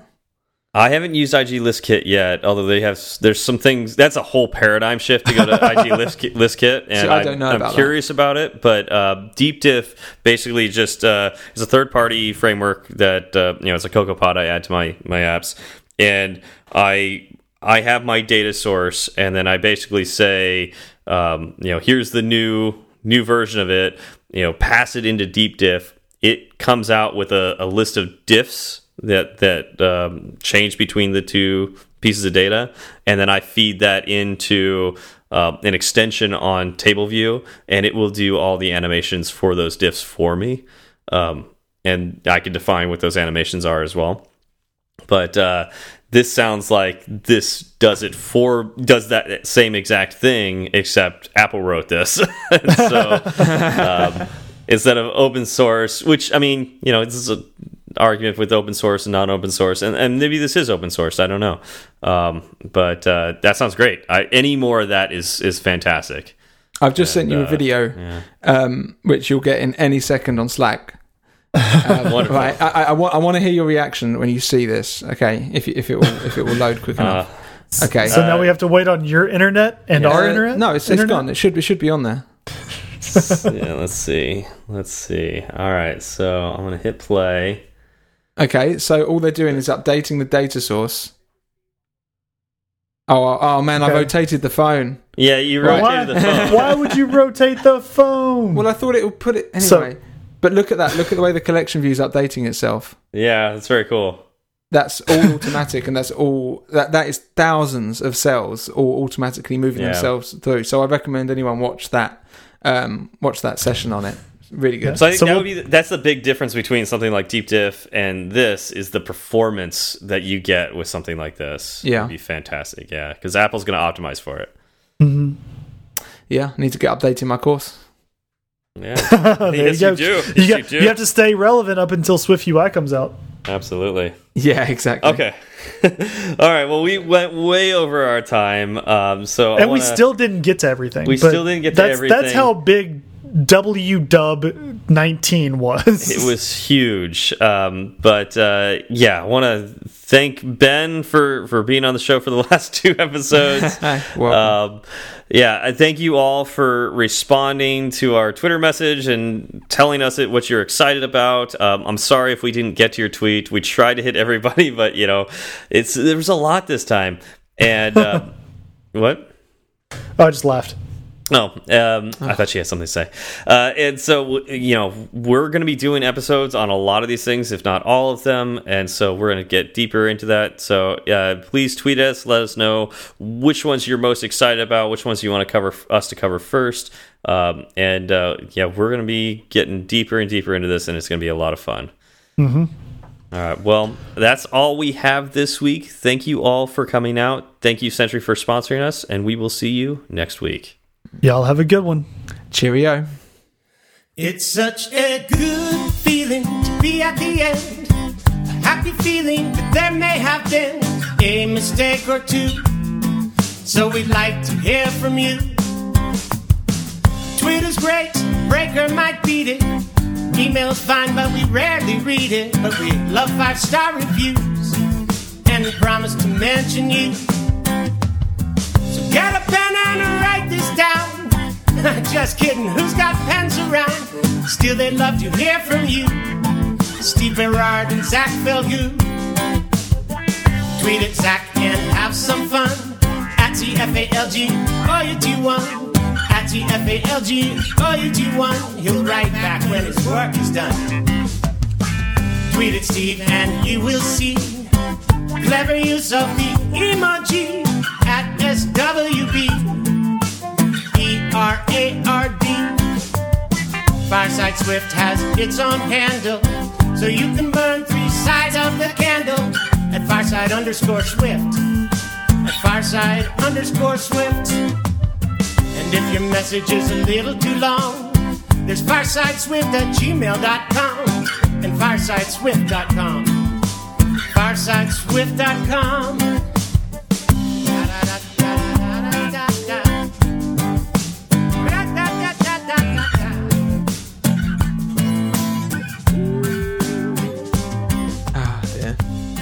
All right. So anyway. speaking of daddy stuff. I, I, don't think we want to go wherever you're taking us. We need to hear about your daddy issues. uh, more, in particular, yeah. the more recent daddy issues that you've just caused. Um, mm, yeah, and a few weeks ago. I will say it's all my fault. Um, it's all your fault. so let's let's start with the beginning of the day, right? So, um, the due date was the 26th. And this was a couple, or I guess it was about four Saturdays ago. Um, we woke up in the morning. Lauren said she was feeling good. She said she had a couple of twinges, but it wasn't anything bad. And so we went out and kind of we went and ran some errands. Uh, she said she started feeling a little rougher, but we figured it was because she was on her feet. So we got her home, got her on the couch, and things kept progressing, right? And now the interesting thing here is the two births we had previously, um, both of our children were induced. So Okay. Lauren never actually went into natural labor. So even though this was our third child, we were still new to this experience. Okay. So we didn't know really what was happening. Um, we didn't know if it was actual active labor or uh, what they call Braxton Hicks contractions, which is not it's not actual labor. It's like your body just prepping for it, right? Okay. Um, luckily, she had uh, her nurse's phone number because she's friends with her. So she was texting her nurse and saying, you know, like, this is how I'm feeling. What do you think I should do? Uh, we were actually at home. I was cooking dinner, uh, which was chicken wings, and that'll that'll come in to the story in a little bit. okay. I was I was cooking chicken wings uh, for A dinner. A little bit of fore foreshadowing. Well, there. again, e- earlier in the morning, we thought everything was fine, so we had them all prepped, like they had been marinating and everything, right? okay. And so it was basically just get home and put them in the oven and Yep. uh, let them come to temp. Um, so we cooked dinner. We pulled it out. Lauren said she wasn't going to eat, and then the nurse said, "Well, you may want to go into the hospital just to get checked, just to see what's happening, and then this way you know whether you need to be on alert or not." Right? Uh, my parents were in New Orleans, and my mom really wanted to be up here for the birth, and so the only way we could do that is if we understood where Lauren was at with the pregnancy. Um, and I ate all of the chicken wings. Is what happened. It was about it was about three three pounds uh, because I was like, if we're going to the hospital, I'm gonna be well fed. Like I'm I'm gonna I'm not gonna leave these out. I'm not gonna let them go to waste. I'm gonna eat this food. Uh, I See, this sounds like a brilliant idea or a terrible idea. So Genius. I mean, just they- just picture this. Well, it's good. and and they were they were really good. So oh, picture were this they like hot? they were Were they they were hot ve- wings? they were they were pretty spicy. Again, this could be a terrible idea. Oh, spicy. Okay. I've I've been through this a couple of times. I, I knew what I was getting into. Um, You're willing to take the sacrifice. Got it. exactly. So uh, I was I was sitting there eating them. Our girls were eating. Lauren was like sweating on the couch, but she didn't know whether she wanted to go to the hospital not or or hospital or not yet either. And I wasn't going Yeah. to push her. I was just going to say, you know, if you decide you want to go, we'll go. Not a big deal. Um, Mm-hmm. I finished eating every single every single wing that was put in front of me. And she was like okay let's go. And so at this point it was about 7:45 and it takes us about half an hour to get down to the hospital. Um we got there at 8:15 well what we didn't know was the uh the wing or the maternity ward they lock all of their doors at 8 o'clock. Oh. And we were we were walking around the the building checking all the doors. Nothing was open. I was going to run around to the front and find somebody to see if they could open a door for us when luckily someone was coming out. And so lauren was able to grab the door. We went in uh, went up to the third floor which was the labor and delivery uh, area. And you walk in and there's um there's like a desk with a door behind it. And you have to check in at that desk before you can go through the door to get to the nurses and get everything that you need right so now lauren is positively sure she's in labor like she's starting to hurt right Yeah. yeah. and what you don't want are delays but you get Yeah. you get up to the desk and the guy's like fill out this form and she's like okay and she fills it out and she hands it back and he goes and initial this and she initials it and hands it back and then he gives her another one and she's just like oh my god oh man. she gets all of that done the guy this guy live? Did they, this he guy did. live through the I, story? just- I mean, you have to be given hazard pay for this, right? Because the Right. you don't want to anger pregnant women, especially women in labor. Like, it's not a good Mm-hmm. idea. So, um, the other thing is because we didn't know when we left the house whether we were going to be staying at the hospital, and it was kind of late already. we just took our two girls with us. yeah. Right. Because if it was a false alarm, we'll all just go home. Not a big deal. Yep, yep, um, yep. And it was already getting kind of late, so we didn't really have. I mean, we had friends we could probably have dropped them off with. Yeah. But we just wanted to get to the hospital. Like, you're not really thinking about all of these other Yep. things at the time. Yep. So the girls were with us. Um, we get into the nurses area. They put us in a triage room to just kind of do an initial check on Lauren. They have Lauren put on a gown, and um, that was that was interesting in and of itself because she was trying to do everything she could, but she was at this point, like I said, she knew she was in labor, so things get get messy, right?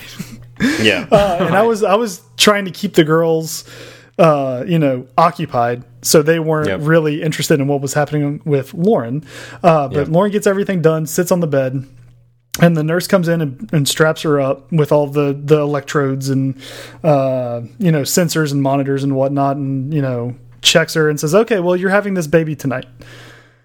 And uh, so at that point, at that point, I think I texted you and I was like, "Here we go!" like I'm glad we because we didn't do a show that night, and it was a very good thing we didn't do that show that night because I wouldn't have been Yep. able to do it anyway.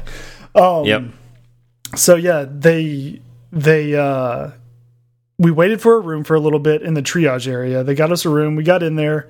Um, Lauren wanted an epidural, but she couldn't have it quite yet. And there's a backstory there too. So um, with Lauren, we had an epidural with uh, Emma and Claire. And Okay. like 30 minutes after having the epidural, the girls were both born. Like, apparently, Okay. if you give her an epidural, she has the baby immediately, pretty much. Okay. Um, Okay.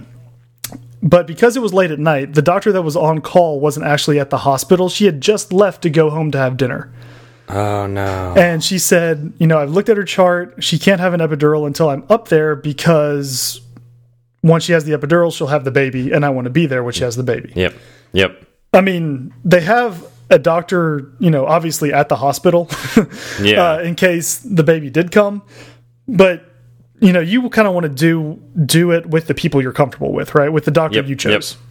Yep. So she said, "We'll wait."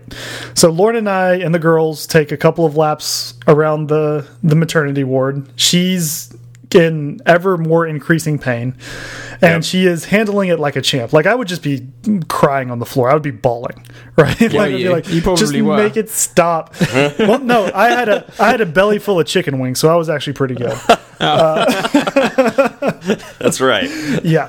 Um, and then it got to the point where she just needed to lay down, and they were going to check her like every 30 minutes because labor was progressing uh, pretty quickly. And so we got into the room, got her down, and then she finally got all strapped in, and she kept asking about the epidural. And the, the nurse was like, "No, we're we're not going to do it yet. Doctor Wang is on her way, um, on her way back. Once she gets here, we'll do it." And then, I mean, there was like a whole just epidural issue, right? Because once they finally did get it in, the uh, doctor, the anesthesiologist, um, was already booked for a few people, a few patients ahead of Lauren. Oh no. Once it came time for Lauren to get it, the nurse checked her again and said that the pregnancy was too far along, so she couldn't have an epidural.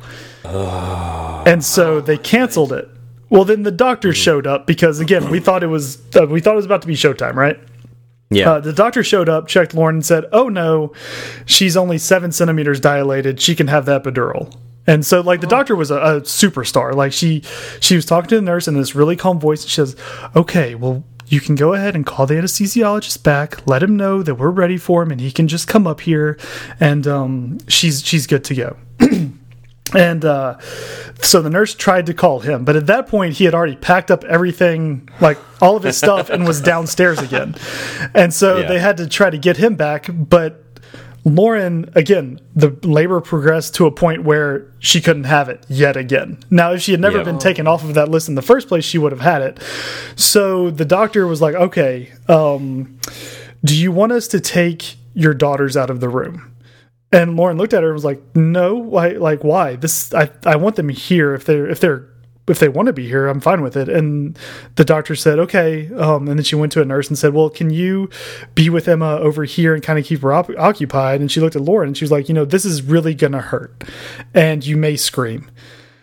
And at that point, Lauren was just, she was, you know, sweating and not, not happy because it's just Yeah. immense pain, right? Yep. Yep. and yep. and Lauren was saying you feel like you have no control over your body anymore. Like your body is Yeah. just on cruise control and you can't do anything about it, which is a really weird feeling, right?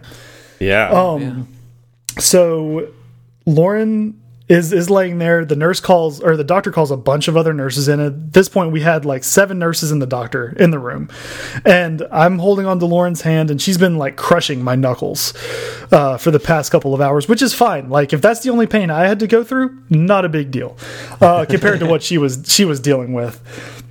And at this point, she she looked at me and she goes, "Zach, do something." And I'm looking around, and I see I see all of the nurses, and I see the doctor, and I see all these people that are just immensely more qualified to handle any situation than I am, right? And so I just look at her, and I'm like, "Okay, what can I do? What can I do?" And I just, I just say, "Push."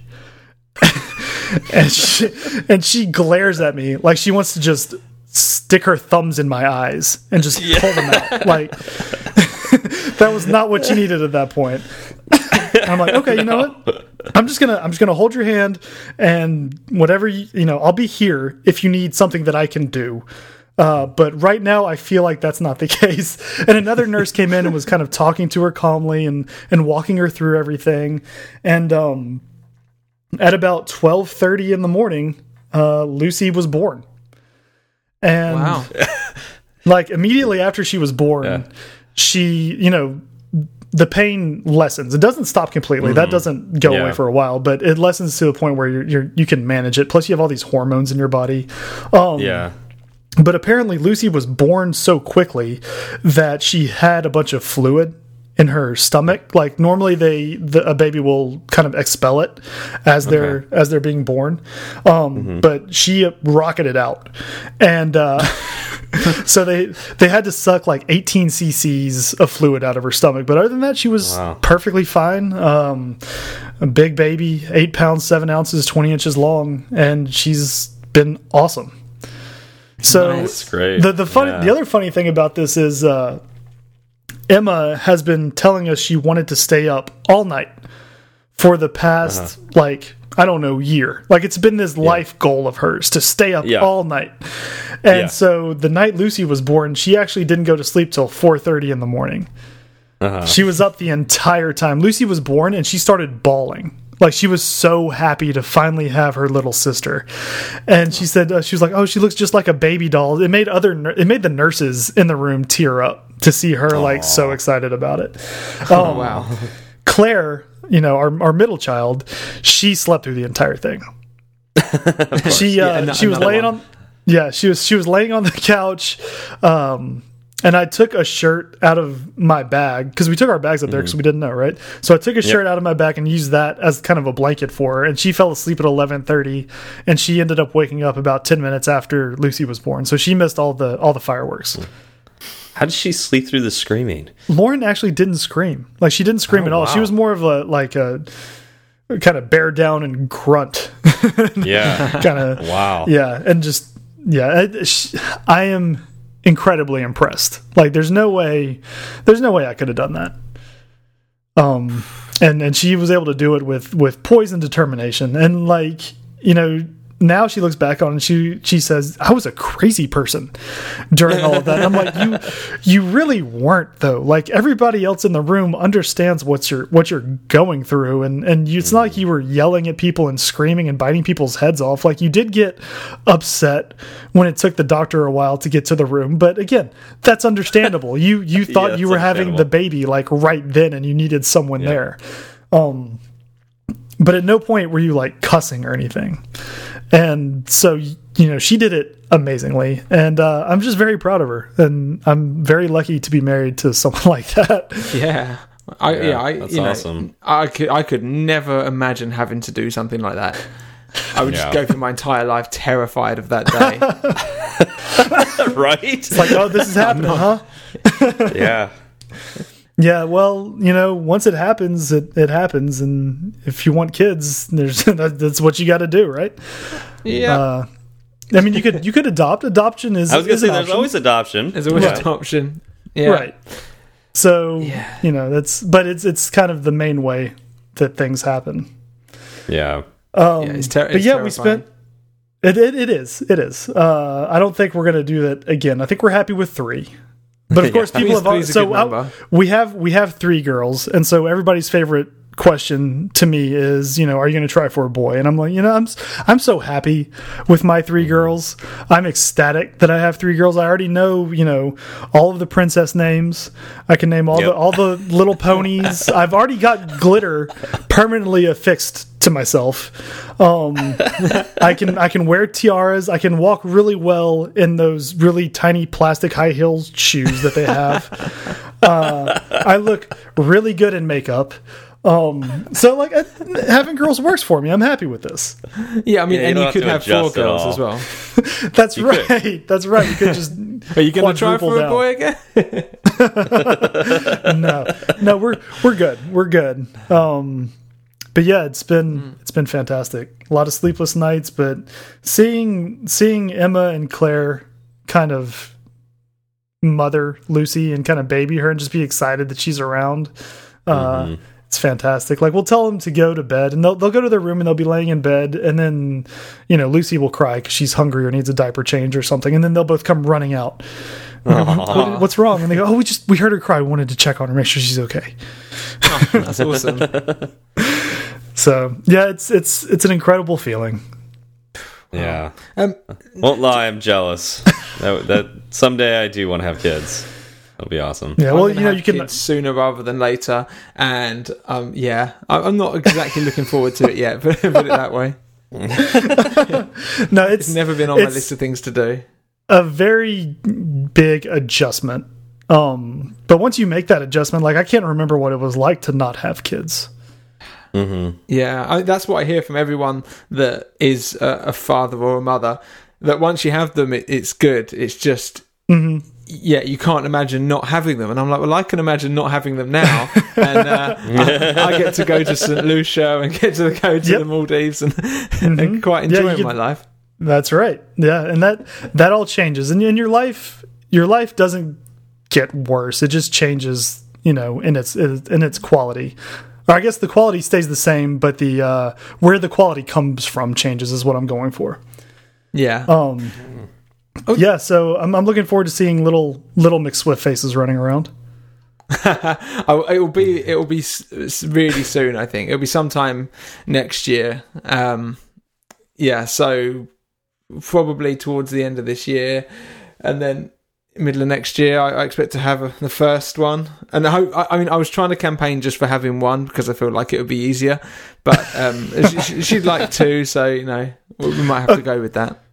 So here's here is uh, here are my thoughts on the whole like number of children. Yeah. So going from zero to one for me was where the biggest shift was in my life because having zero kids to one kid, like going from not a parent to a parent, is a major major change. um, Yeah.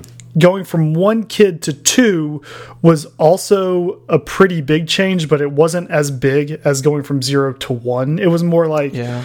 well, now we have one kid and we have this dynamic. I don't know what it's going to be like when we have multiple. Uh, Going from two to three, super easy. Like it's it's like nothing changed at all. Now you've got now you've I got think two going- daughters to help. Exactly. That's and that's the other thing. And when when Claire was born, Emma was three, which isn't old enough to really help out with much of anything. Um, but now that Emma's six and Claire's three, Yeah, she could help a little. Yeah. Yeah. so But I, I would think going from three to four, now you've got another step, right? Because now you have to buy a minivan. Yeah, yeah, and I, I agree. Three to four would probably be another change because yeah, Yeah. it's, it's at minivan time. And well, we had to buy a new car because we couldn't fit five car seat or five people Yeah, in the, car the car seats, we yeah. had because the car seats were too big. Uh, so we ended up getting another car, but it wasn't a minivan. We actually looked at minivans. We did. And uh, we couldn't find one for the right price. So we actually ended up with a, a Buick Enclave. That's I right. no you, that and is. you went to a ven you went to a vending machine to get this. we vehicle. went, we bought it at a vending machine. What Yeah. weird Americans? Yeah, there's, there's a big, big coin. You put it in, the car comes down, and it gets shot out the front, and then you drive away with it. That sounds awesome. It, Did it you, really did you not? We talked about this on an episode. Yeah, once. he didn't listen. He must not have listened. he doesn't listen to our Ah. show. Wow. I do, but sometimes I zone out. Oh no! Ding! That's for that's for Mr. McSwift face.